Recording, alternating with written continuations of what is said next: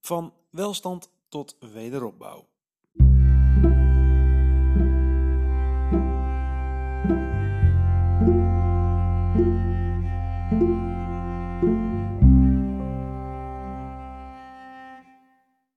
Zoals wij de Duinenbollenstreek nu kennen, zo is zij vooral geworden in de nieuwe tijd. Nadat de huidige bollendorpen in de loop van de middeleeuwen hun plaats op de kaart hadden veroverd, was het nu de beurt aan de landhuizen en de zanderijen.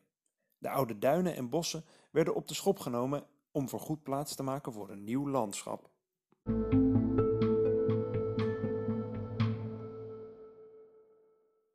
De nieuwe tijd kende een roerige start.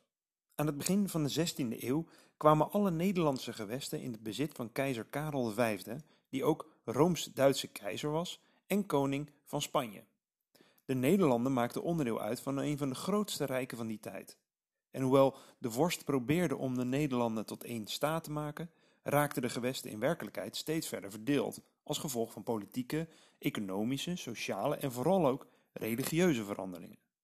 Nederlandse edelen voelden zich onder druk gezet door het Spaanse bewind en kort nadat Karels opvolger Philips II de Nederlanden in handen kreeg, brak er een opstand uit. De meest invloedrijke edele van die tijd was Willem van Oranje. De grote motor achter het oproer waarvan hij het gezicht werd, waren het protestantisme en de economische voorspoed in de Nederlanden. Vooral de opkomst van de hervorming zette kwaad bloed bij de katholieke vorst. Nadat in 1566 protestanten de katholieke kerken binnendrongen tijdens de beeldenstorm, was de maat vol. Philips II reageerde met geweld en beval de hertog van Alva om de Nederlanden weer onder controle te brengen. De gevolgen van Alva's optreden zijn in de Duinenbollenstreek vooral te merken geweest tijdens het beleg van de stad Leiden tussen 1573 en 1574. Op terugtocht na een nederlaag bij Alkmaar omsingelden Spaanse troepen de stad. Om te voorkomen dat de Spanjaarden gebruik konden maken van de voorzieningen die kastelen, kerken en kloosters in de omgeving boden, werden veel van deze gebouwen kort voor het beleg afgebroken. Naast het klooster Leeuwenhorst, de Sint-Matthiaskerk en het slot Teilingen gingen ook veel huizen en kerken in de dorpen in vlammen op.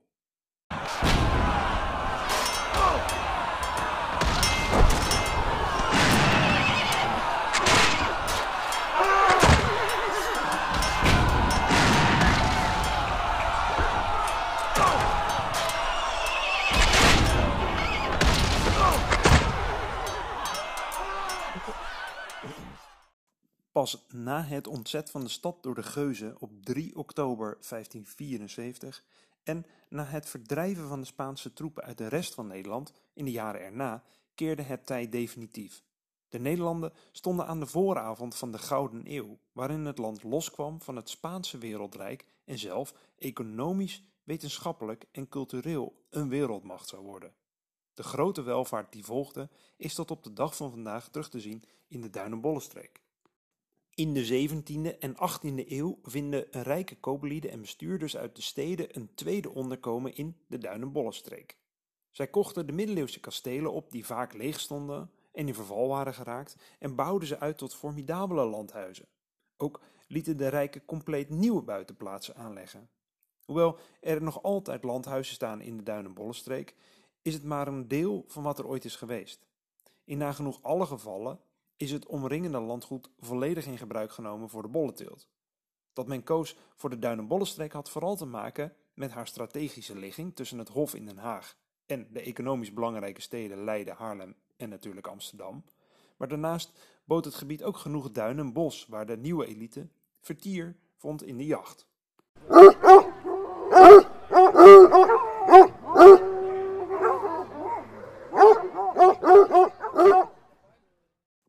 Iconisch voor de nieuwe tijdse buitenplaatsen is het Huis te Warmond, waarvan in de vorige podcast al bleek dat het een 14e eeuwse oorsprong heeft. Nadat het in de 16e eeuw in handen was gekomen van het geslacht van Wassenaar-Duivenvoorde, die het na afloop van de Spaanse bezetting hebben laten herstellen, is het huis geleidelijk aan onbewoond geraakt. In 1774 werd het gekocht door Cornelis Pieter, baron van Leiden, die opnieuw een ingrijpende verbouwing liet uitvoeren, waarvan het resultaat nu nog te zien is. Ook het Hof van Hillegom mag als een icoon van de voorname huizen worden gezien. Net als het Huis de Warmond is het gebouwd op de plek van een ouder kasteel. De vroegst bekende vermelding dateert al uit 1420. Het oudste deel van het huidig bestaande bouw stamt uit het eind van de 15e eeuw. In 1749 kwam het Hof van Hillegom in handen van meester Jan Six, wiens familie tot 1822 gebruik bleef maken van de buitenplaats. Kort erna vond een uitvoerige verbouwing plaats die nu nog het uiterlijk van de buitenplaats bepaalt. Uiteindelijk is het hof in 1903 aan de gemeente Hillegom geschonken. Van de tuin is weinig meer over, het landgoed is grotendeels opgegaan in de dorpskern van Hillegom.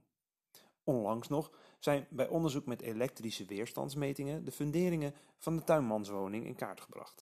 Waar het huis de Warmond en het hof van Hillegom gebouwd werden op de fundamenten van een adellijke voorganger, werden andere buitenplaatsen in de nieuwe tijd juist gebouwd op wat ooit eenvoudiger huizen waren. Het nu verdwenen huis Bergendaal ten westen van Sassenheim was daar een voorbeeld van, evenals Elsbroek in Hillegom, Zandvliet ten noorden van Lisse en zelfs Oud-Poelgeest in Oegstgeest. Hun kapitaalkrachtige bezitters lieten er geen twijfel over bestaan. Het uiterlijk van de huizen moest de vroegere sobere of armere status van de erven doen vergeten en een afspiegeling zijn van de rijkdom die de nieuwe eigenaren genoten. Ook op het landgoed Leeuwenhorst verrees in de 17e eeuw een buitenplaats. Maar dat was niet op een ouder kasteelterrein of op een oudere boerderij, maar op het terrein van het voormalige klooster. Deze buitenplaats kreeg de naam Oud Leeuwenhorst. Het woonhuis verrees in de oude rentmeesterswoning van het klooster. Nadat het enkele eeuwen als landgoed diende, is het hoofdgebouw aan het begin van de 19e eeuw afgebroken.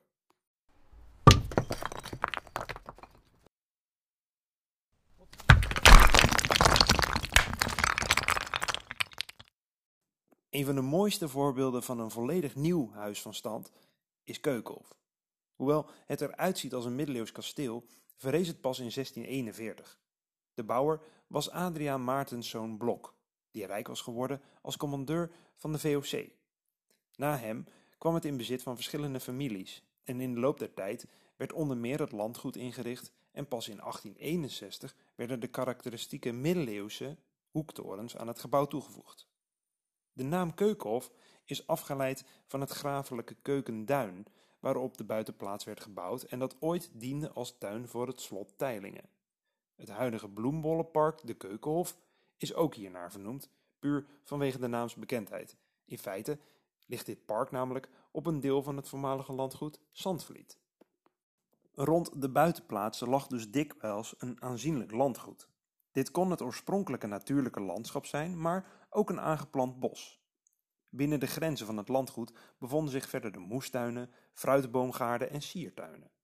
Van sommige tuinen zijn nog delen bewaard, zoals de Engelse tuin van het huis Rusthof in het centrum van Sassenheim, of dus de tuin van Zandvliet in Lissedat, zoals we al hoorden nu het park Keukenhof is. Ook park Bossen herinneren tegenwoordig nog aan de landgoederen, zoals dat bij Offum in Noordwijk of rond het huis de Warmond. En ook de landgoederen ter Spekke en Wassergeest in Lisse zijn zo nog gedeeltelijk intact. In weer andere gevallen is van het landgoed juist helemaal niets meer bewaard en staan alleen de huizen er nog. En niet alleen in de oude duinen stonden de buitenplaatsen, ook langs de Rijn vond men geschikte locaties voor de voorname huizen. In Katwijk aan de Rijn bevond zich bijvoorbeeld het Hof van Katwijk en in Valkenburg ontwikkelde een middeleeuwse boerderij zich tot het herenhuis Rijnvliet. Op de plaats van een andere boerderij verrees het herenhuis Hoornes.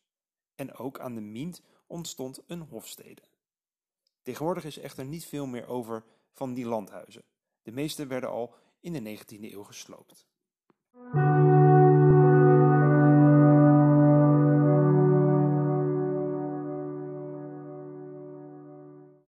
De Tachtigjarige Oorlog had niet alleen zijn tol geëist van de kastelen en kerkelijke gebouwen, ook een aantal van de dorpen werd deels verwoest.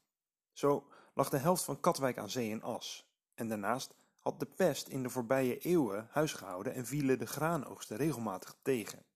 Dat had ervoor gezorgd dat het aantal inwoners aanzienlijk was teruggelopen. In Hillegom bijvoorbeeld stonden op zeker moment nog slechts vier huizen. Maar in dit alles kwam verandering in de 17e eeuw. Voor de dorpen in de Duin- brak een periode aan van herstel en voorspoed. Het herstel betrof vooral de oude beroepen en ambachten. Na een moeizame 16e eeuw krabbelde de landbouw- en textielindustrie langzaam weer op Doordat met inpoldering nieuw land werd ontgonnen, namen de opbrengsten uit veeteelt en akkerbouw toe.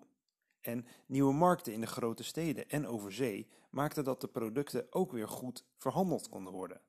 Maar niet alleen de ambachten herstelden zich, ook nieuwe beroepen en industrieën kwamen op. Zo concentreerde zich in Katwijk aan Zee en Warmond scheepsbouw en in Noordwijk bevonden zich tientallen touwslagerijen. Ook zijn in Noordwijk sporen aangetroffen van zogeheten hoppenkuilen die wijzen op hopteelt. In Warmond kwam in de nieuwe tijd de ronde eendenkooi, net ten zuiden van de polder, tot stand.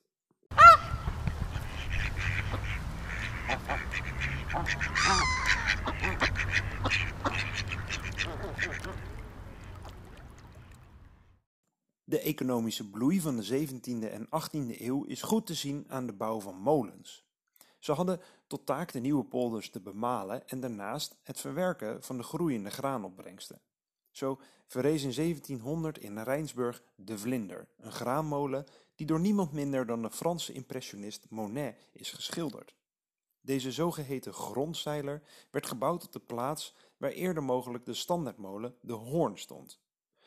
Andere molens bevonden zich bij het Katwijker Eind en in de Kamphuizenpolder.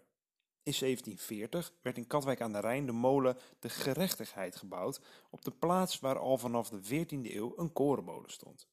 Deze stellingmolen was er een van twee in Katwijk aan de Rijn en staat nog altijd op zijn originele plaats. Ook in Lisse stond een korenmolen, al vanaf 1569. Deze molen maalde niet alleen voor Lisse, maar ook voor Sossenheim. En weer andere molens stonden in Noordwijk, in Noordwijkerhout en Voorhout.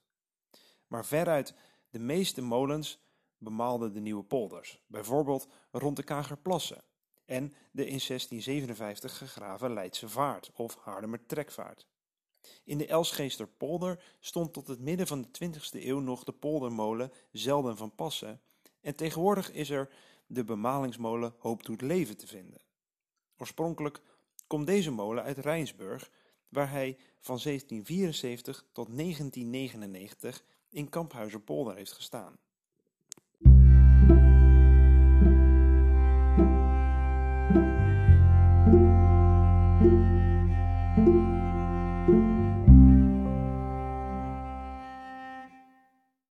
De polders waarbij de molens stonden waren al in de late middeleeuwen tot stand gekomen. Door het aanleggen van kades rond de weilanden had men het oude land beveiligd tegen het water. De molens deden dienst om deze polders droog te houden. Vanaf de 17e eeuw ging men over tot het creëren van nieuw land. Rond plassen werden dijken aangelegd, waarna molens werden ingezet om deze nieuwe polders droog te malen en droog te houden. Zo ontstonden vanaf de late middeleeuwen en in de nieuwe tijd heel wat polders in de Duinenbollenstreek. Rond Lisse bijvoorbeeld waren dat de Lissebroekpolder, het Hellegatspolder, Merenduinpolder en de Roversbroekpolder. Rond Hillegom kwamen in de 17e eeuw de Elsbroekerpolder, Vossen en Weerlanerpolder en Oosteinderpolder tot stand en bij Warmond de Hemmeerpolder. Terwijl de vaak nog natte weilanden vooral voor veeteelt bruikbaar waren, bleek al snel dat het nieuwe land ook weer geschikt was voor tuinbouw. De polders zijn niet enige veranderingen in het aangezicht van de streek. De groeiende handel tussen de steden en dorpen vroeg om nieuwe, betere routes. In 1657 werd daarom de trekvaart gegraven. De waterweg verbond Leiden en Haarlem met elkaar en diende voor een snel transport van personen tussen deze steden.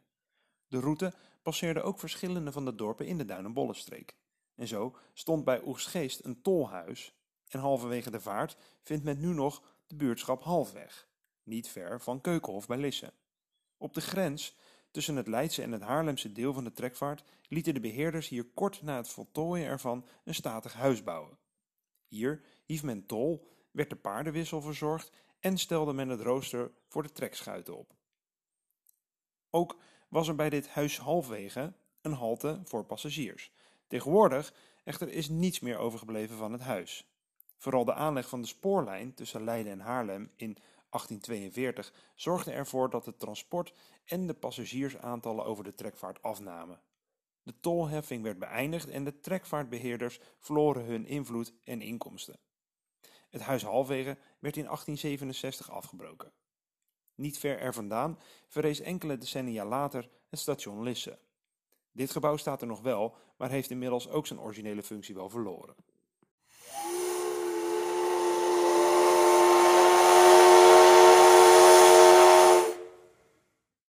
Een andere waterweg die van belang was en nog altijd is voor de streek, zijn de uitwaterende sluizen bij Katwijk. Om overlast van het Rijnwater in de streek te voorkomen werd al in de 16e eeuw een nieuwe uitwatering gegraven. Deze waterweg lag bij het Waaigat ter hoogte van de Voorstraat en werd geopend in 1572. Nabij de monding ervan werd de oude vuurtoren in 1605 vervangen door de vuurbaak die er nog altijd staat. Toch mocht het niet baten. Ook de nieuwe uitwatering verzandde, net als eerder de natuurlijke Rijnmonding deed. Wat overbleef, werd gekscherend het Mallegat genoemd, een doodlopende watergang.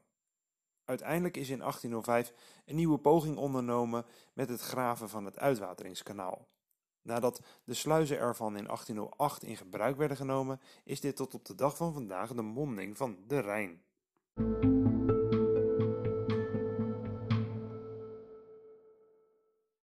In de nieuwe tijd verschenen ook de eerste bolletelers in de streek.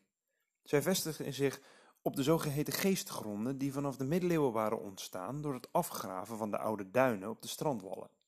Dat afzanden was aanvankelijk bedoeld om nieuwe teelgronden te creëren. Later, na 1800, werd het zand vooral afgegraven om te worden gebruikt bij de uitbreiding van steden en dorpen of voor grondverbetering in het veengebied. Wat van het oude duinlandschap overbleef was een bodem die bestond uit een mengsel van oud duinzand en veen of klei. En in de loop van de 17e eeuw bleek dat deze grond zeer geschikt was voor groente- en fruitteelt. De bolleteelt volgde iets later nadat in de 18e eeuw de oudste bollevelden rond Haarlem te klein waren. De eerste bolleboeren vestigden zich in Hillegom en Lisse, waar zij al snel door hadden dat de geestgrond uitermate geschikt was voor het bolgewas. Zeker wanneer het maaiveld op 60 centimeter boven het grondwater, het Rijnlands boezempeil, kwam te liggen. De tuinbouw maakte geleidelijk aan plaats voor de bollevelden. Toen de handel in bloembollen vanaf de 19e eeuw een ongekende groei doormaakte, bleken de geestgronden echter niet meer toereikend. Nieuwe gronden werden gezocht en gevonden. Men begon aan het afgraven van de resterende oude duinen. Op een smalle strook langs de kust na werd het hele natuurlijke duinlandschap op de schop genomen. Later, in de 20e eeuw, werden ook delen van de oude strandvlakte tussen de strandwallen geschikt gemaakt voor de bolleteelt, door ook daar het dieper liggende grovere zand op te spitten of om te spuiten en het bovenliggende veen en klei naar onderen te werken. De in 1904 geopende kalk-zandsteenfabriek Arnoud tussen Hillegom en Lisse gold eveneens als grote katalysator voor het afgraven van de oude duinen. De nieuwe tijd loopt volgens sommigen tot 1800, waarna de moderne tijd begint. Anderen rekenen alles tussen de middeleeuwen en nu tot de nieuwe tijd. Feit is dat er weinig archeologie uit de twee jongste eeuwen bestaat waarover niet ook al een historische bron te vinden is. Kaartmateriaal, archieven of zelfs foto's bieden vaak een dusdanig gedetailleerde omschrijving dat de vondsten en grondsporen van een locatie er nauwelijks meer aan kunnen bijdragen. Bovendien staat er veel van wat er in de laatste eeuwen is gebouwd nog overeind en is er geen sprake van een zogenoemd bodemarchief. Een periode die daar echter van afwijkt, is de Tweede Wereldoorlog. Achtung, Achtung! Der Luftschutzwarndienst gibt bekannt. ABC-Alarm für Schleswig-Holstein. Suchen Sie sofort einen Schutzraum, einen Keller oder eine behelfsmäßige Deckung auf. Tegenwoordig worden de resten van de oorlog steeds vaker als cultuurhistorisch belangrijk beschouwd. Iets wat in de jaren direct na de oorlog wel anders was. Tijdens de bezetting van Nederland werd langs de kust van de Duin- de Atlantikwal gebouwd. Deze verdedigingslinie liep van Noorwegen tot Spanje en bestond uit bunkers, tankgrachten, loopgraven en mijnenvelden. Voor de aanleg ervan werden waar nodig huizen afgebroken, zoals bijvoorbeeld huizen Leeuwenhorst, of bossen gekapt. Van de bouwwerken die er onderdeel van uitmaakten zijn vooral in Katwijk, aan Zee en Noordwijk nog veel sporen terug te vinden. Zo dienen oude Duitse bunkers in Katwijk als vleermuisreservaat en sinds 2001 is het Atlantikwal Museum Noordwijk in zo'n bunker gevestigd. Maar ook ver achter de kust, zoals in Warmond, werden bunkers gebouwd, waarvan sommige nu nog te zien zijn. En in het Keukenhofbos bij Lisse en bij het Huis de Warmond bevonden zich lanceerplatforms voor V1-raketten. En bij de Ruige Hoek ten noorden van Noordwijkerhout lag een schijnvliegveld. Ook op deze locatie stonden gebouwen, maar van de meeste is tegenwoordig niets meer te zien. Toen de Duitsers Nederland verlieten, werden hun bouwwerken zo snel als mogelijk aan het zicht en aan de herinnering onttrokken. Bunkers werden afgebroken en afgedekt met zand en de tankgrachten werden dichtgeschoven. Niets mocht meer overblijven van de Atlantikwal. Maar na verloop van tijd is de opinie veranderd, waardoor men nu juist interesse in deze resten ontwikkelt. Het probleem is alleen dat er direct na de oorlog weinig tot niets is vastgelegd van de afgebroken sporen. Het lukraak ontgraven van de resten kan bovendien gevaarlijk zijn met het oog op nog aanwezige munitie.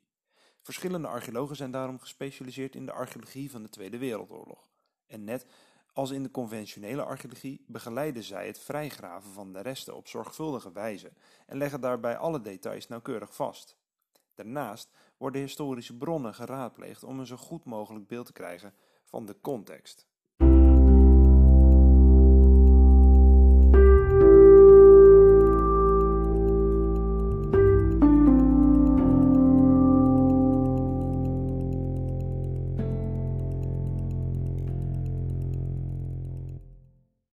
En zo eindigt de podcast Het Verleden van de Velden over de archeologie van de Duinen-Bollenstreek. Als we iets hebben geleerd, dan is het wel dat de Duinen-Bollenstreek een rijk verleden heeft. Of het nu gaat om de eerste boeren in ons land of om de wording van het graafschap Holland. De Duinen-Bollenstreek heeft er niet zelden een grote rol in gespeeld. En veel van wat er van het verleden in de bodem bewaard is gebleven, is in de laatste twee eeuwen vergraven. Maar dat betekent nog niet dat alles is verdwenen.